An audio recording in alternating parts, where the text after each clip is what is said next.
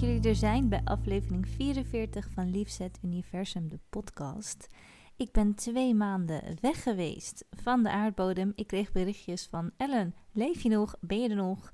Ja, ik was er nog, maar ik was met heel veel doelen bezig. En daar ga ik het ook over hebben in deze aflevering met jullie. Over doelen stellen in je leven. En ja, hoe manifesteer je die doelen nou? En waarom duurt het soms zo ontiegelijk lang totdat je iets bereikt hebt wat je heel erg graag wil? Eigenlijk nu al meteen.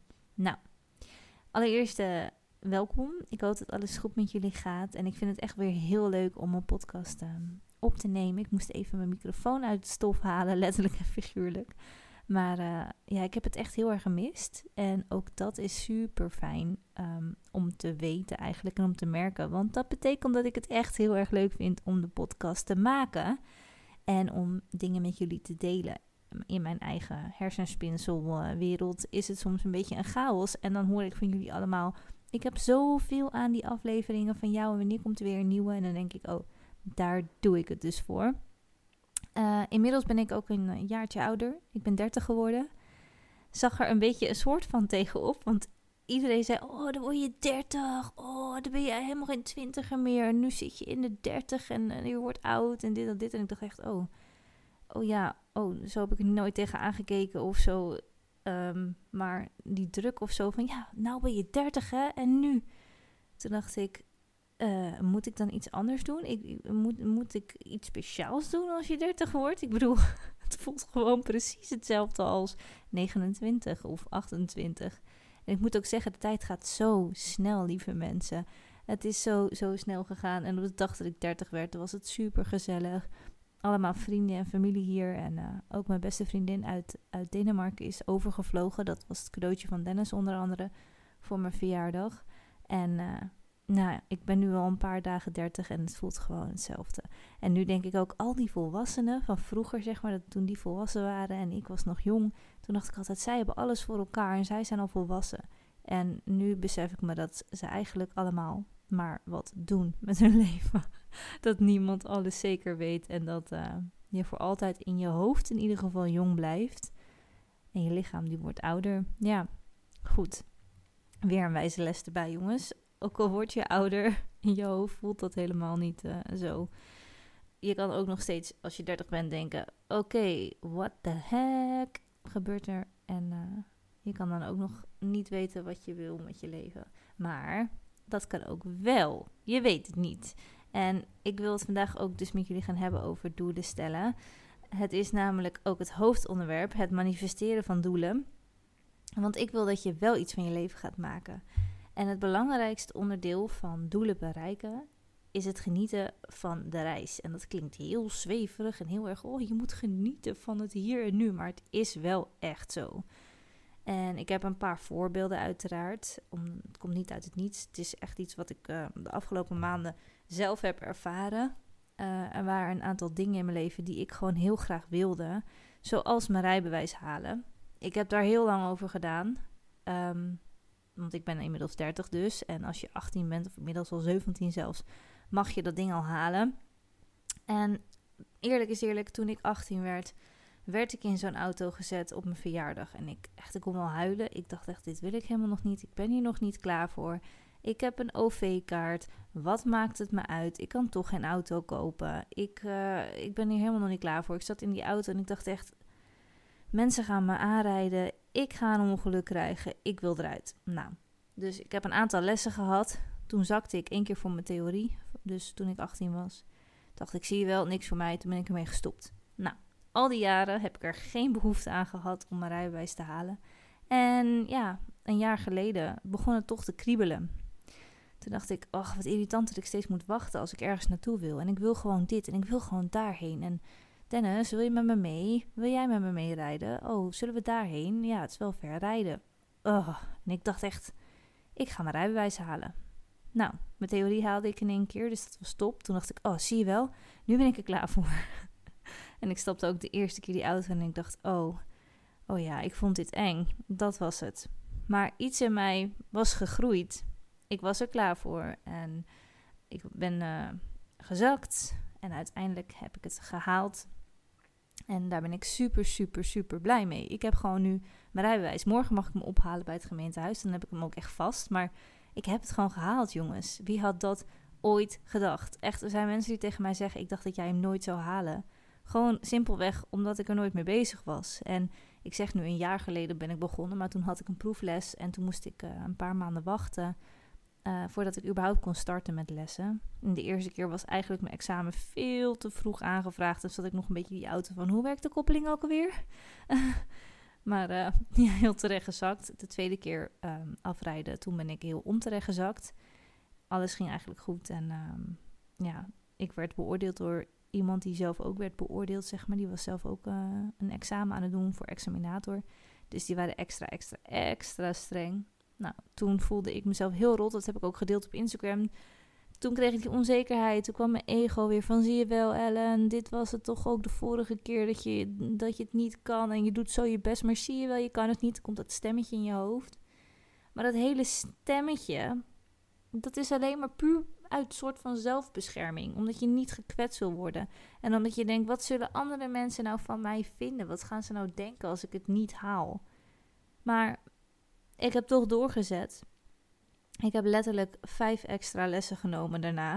Ik moest een tijd wachten voordat de plek was, maar toen mocht ik afrijden en ik deed helemaal foutloos. En ik zat in die auto van kom dan. En ik had nog steeds dezelfde examinator als die keer dat ik gezakt was. Dus ik bedoel, ze kwam aanlopen en ik dacht, dit gaat mij niet nog een keer gebeuren. maar dit is dus een doel voor mij. Hier, was ik dus heel druk mee. Ik heb echt hartkloppingen gehad en alles. En ik heb edelstenen in mijn BH gestopt die me, die me konden kalmeren en ondersteunen. Fluoriet onder andere. En uh, versteend hout om te aarden en om rustig te blijven en dat soort dingen. En uh, ja, ik heb me gewoon helemaal daarop moeten focussen en op moeten storten. Ik heb echt super veel filmpjes gekeken over gevaarlijke kruispunten en dat soort dingen. En nu ben ik gewoon niet meer bang in de auto en ik rij zo weg. En ik heb zoiets van kom maar op. En toen had ik hem gehaald. En ik, eigenlijk was ik gewoon vooral blij dat ik al die extra lessen uiteindelijk heb gekocht. Ook al ben ik nu veel armer.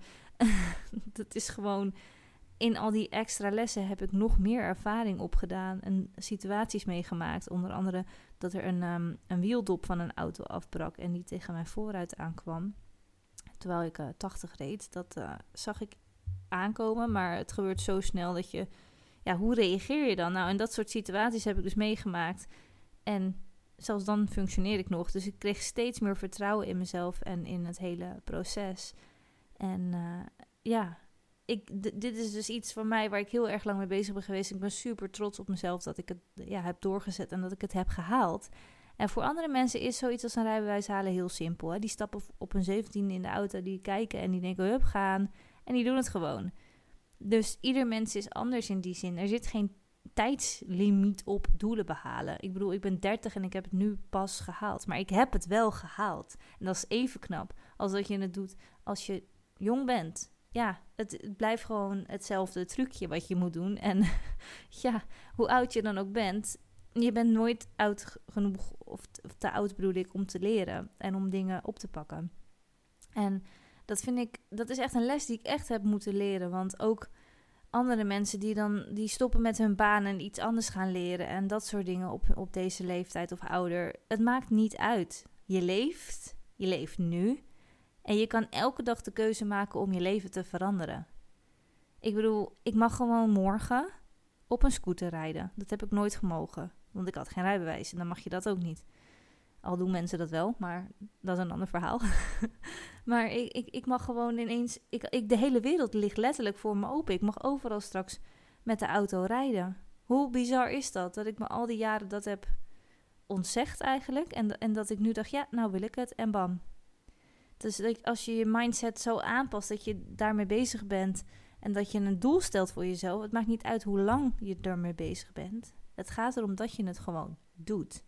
Gewoon in die auto stappen. En ik heb heel wat gehuild door lieve mensen, echt waar. Je had me moeten zien. Dan was de ene les super goed gegaan. Dan kwam ik thuis, was ik helemaal vrolijk. En er waren ook lessen dat, dat hij, die instructeur tegen mij zei: Ga dan, wat ben je nou aan het doen? Ga nou, ga nou. En dat ik echt huilend nou ja, ik wilde huilen achter het stuur, maar ik dacht, nee Ellen, niet huilen. Je bent aan het autorijden. Ga gewoon en doe je ding. En dat ik thuis kwam en ik zo moe was, zo uitgeput en keihard aan het huilen tegen Dennis. Ik ga het nooit halen, Dennis. En toch doorzetten. Ja, echt niet. Ja. Als je een doel hebt, dit wil ik dus duidelijk maken met mijn verhaal. Als je een doel hebt, laat jezelf dan door niets tegenhouden. Je mag huilen, je mag zweten, je mag je echt enorm rot voelen in de proces, maar ga ervoor. Als je echt iets wilt, dan kun je het halen. En dit vind ik een heel mooi voorbeeld van mij, want oh, wat heb ik vaak willen stoppen. maar het doel uiteindelijk was dat rijbewijs en die wilde ik zo graag dat het niets meer uitmaakte wat ik ervoor moest doorstaan. En ja, ja, ik vond het gewoon een hele, hele magische reis, ook voor mezelf. Ik voel me ook een stuk volwassener of zo in het afgelopen jaar geworden. Ik ben al dertig, hè, tenslotte. maar goed, ook een ander doel wat ik gehaald heb is ehm, beter voor mijn lichaam zorgen. Er waren echt een paar punten. Ik heb ook een vision board gemaakt. En ik heb een dagboek bijgehouden waarin ik gewoon steeds vaker terugkom op het feit dat ik mentaal gewoon sterker ben geworden. Maar dat ik mijn lichaam een beetje vergat. Dat ik niet goed voor mezelf heb gezorgd. En dat wilde ik echt heel graag veranderen. Ik merkte dat, uh, ja, dat ik gewoon lekker ging snacken. Dat ik echt niet aan het opletten was op wat ik aan het eten was. En ja, prima patat twee keer in de week. En dan al oh, pizza, weet je wel, dat soort dingetjes. Gewoon, mindset was goed. Al die boeken, Michael Pillard zie ik en weet ik veel allemaal, Tony Robbins, al die boeken heb ik gelezen. Mindset is prima. Ik voel me prima. Maar mm, lichamelijk gezien was ik echt heel veel aangekomen. En dan ga je niet lekker in je eigen vel meer zitten. Ik moest al mijn zomerkleding opnieuw uh, kopen, wat op zich leuk is. Maar aan de andere kant, ik paste al mijn oude dingen niet meer. Terwijl mijn lievelingsbroekjes en shirtjes en dat soort dingen. En ik dacht echt, Ellen, nou ben je mentaal zo sterk en dan ga je je lichaam verwaarlozen. Je lichaam is een tempel, zeggen ze altijd. En die van mij leek wel op een, uh, ja, een iglo. ik weet niet. ik moest even een vergelijking maken, maar je snapt wat ik bedoel. Een beetje niet meer lekker in mijn eigen vel. En toen had ik dus in augustus, ik dacht tenminste, even kijken, mei, juni, juli, augustus. Moeten jullie dat ook altijd doen? Het hele ding is al die maanden op een rij om bij de goede maand te komen. Juli dus. In juli dacht ik, nou is het klaar. Ik ben er klaar mee. Ik ga beter voor mezelf zorgen. Ik ga allerlei doelen behalen. En ik heb augustus ervoor genomen, juli ervoor genomen om alles uit te schrijven en augustus om alles uit te voeren. Ik ben 21 augustus 30 geworden. 29 augustus heb ik mijn rijbewijs gehaald. En uh, in, op 1 augustus ben ik begonnen met My Personal Body Plan. En dit is geen gesponsord bericht of iets, maar ik ben gewoon echt tevreden.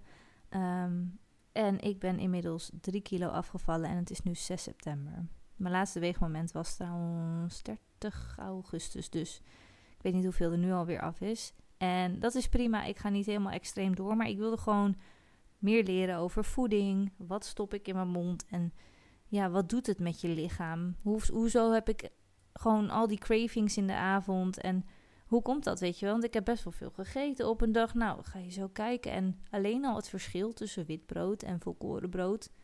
Je mag gewoon een boterham eten, maar in volkorenbrood zit veel meer wat je gewoon door de dag helpt. En heb je minder snel honger en ja, dat soort dingen. Dus daar ben ik ook mee gestart. Dus augustus was een beetje voor mij een soort van uh, reset-knop. En ik voel me echt lekkerder in mijn vel. Heb mijn rijbewijs gehaald. Voel me positiever. En uh, ja, dan ga je ook gewoon weer beter in het leven staan zelf.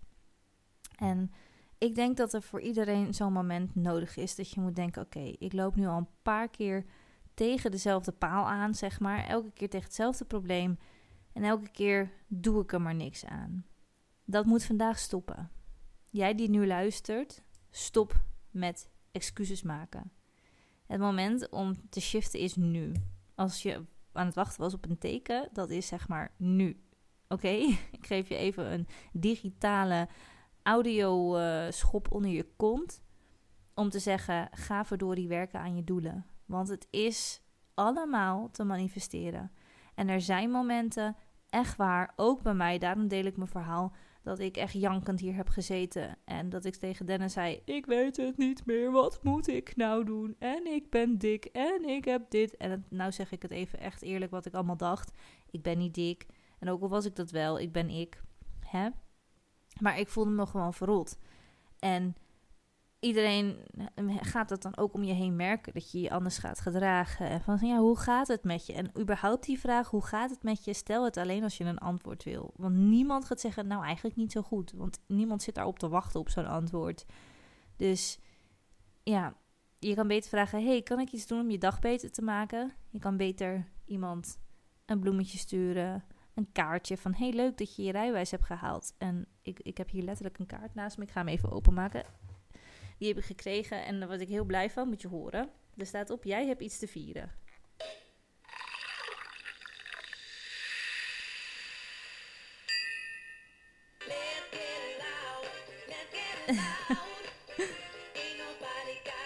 Nou goed, het was een champagneglas die knalt en dan Let's Get Loud om op te dansen. Dat ik dus jarig was geweest en mijn rijwijs heb gehaald.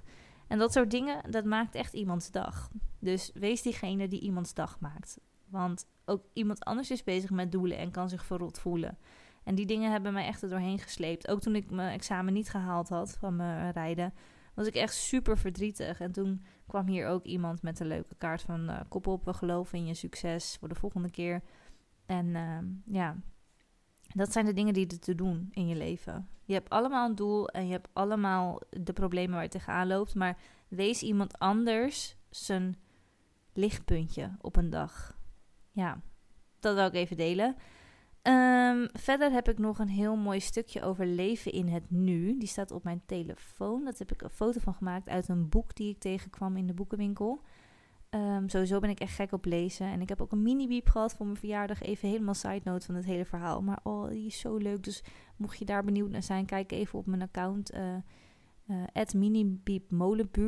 Of gewoon even op mijn eigen account Ellen Tender op Instagram. Dan zie je hem ook. Super cute. Daar zijn ook allemaal boeken in over mindset en dergelijke. Die ik uh, allemaal gelezen heb. Dus als je in Almere woont, kan je die ook van mij lenen. Uit mijn mini-biepje. Um, maar goed, dit is dus een, een, stukje die ik nog ter afsluiting met jullie wilde delen. Die heet Hoe was je dag? Twee zussen komen thuis. Hun moeder vraagt hun hoe hun dag is geweest. Het regende de hele dag, vreselijk, zegt de eerste. De tweede antwoordt: Ik had zo'n geluk, ik had mijn paraplu bij me. Wat is jouw reactie op dit verhaal? Denk je direct: Ja, maar die eerste zus had geen paraplu. Haar dag was misschien ook wel vreselijk. Maar niets in dit voorbeeld zegt dat de eerste zus geen paraplu had. Er is iedere dag wel iets wat je vreselijk kunt vinden, maar ja, het waaide te hard, het was te warm, iemand deed onaardig, je miste de bus, je morste koffie over je nieuwe trui. Als iemand vraagt hoe je dag was, je hele dag dus, waarop duizenden dingen gebeuren, en je antwoord is een voorval dat vreselijk was, dan is dat een keuze. Een onbewuste keuze misschien, maar je koos om iets van die dag te noemen wat vreselijk was. Wat gebeurt er als je je aandacht verschuift naar dat wat goed ging of wat wel prettig was die dag? Er is namelijk geen één dag op de wereld waarop iets niet zeg maar iets gebeurt wat leuk of positief is, uh, was. Iedere dag is er wel iets positiefs te benoemen. Al is het maar dat je een dag op aarde hebt gekregen überhaupt.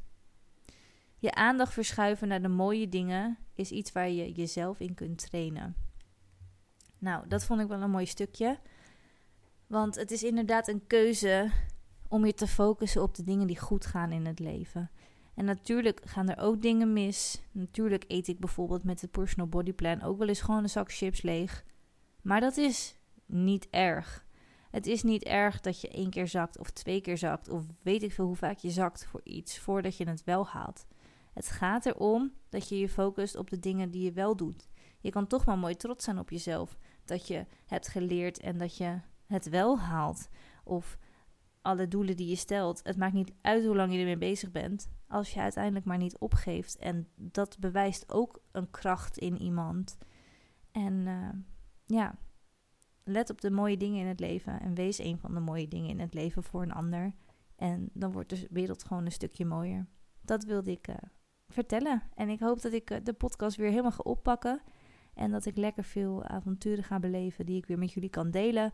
Mochten er vragen zijn, let me know. En mochten er themaverzoeken zijn, laat het ook even weten. Dat vind ik alleen maar heel erg leuk.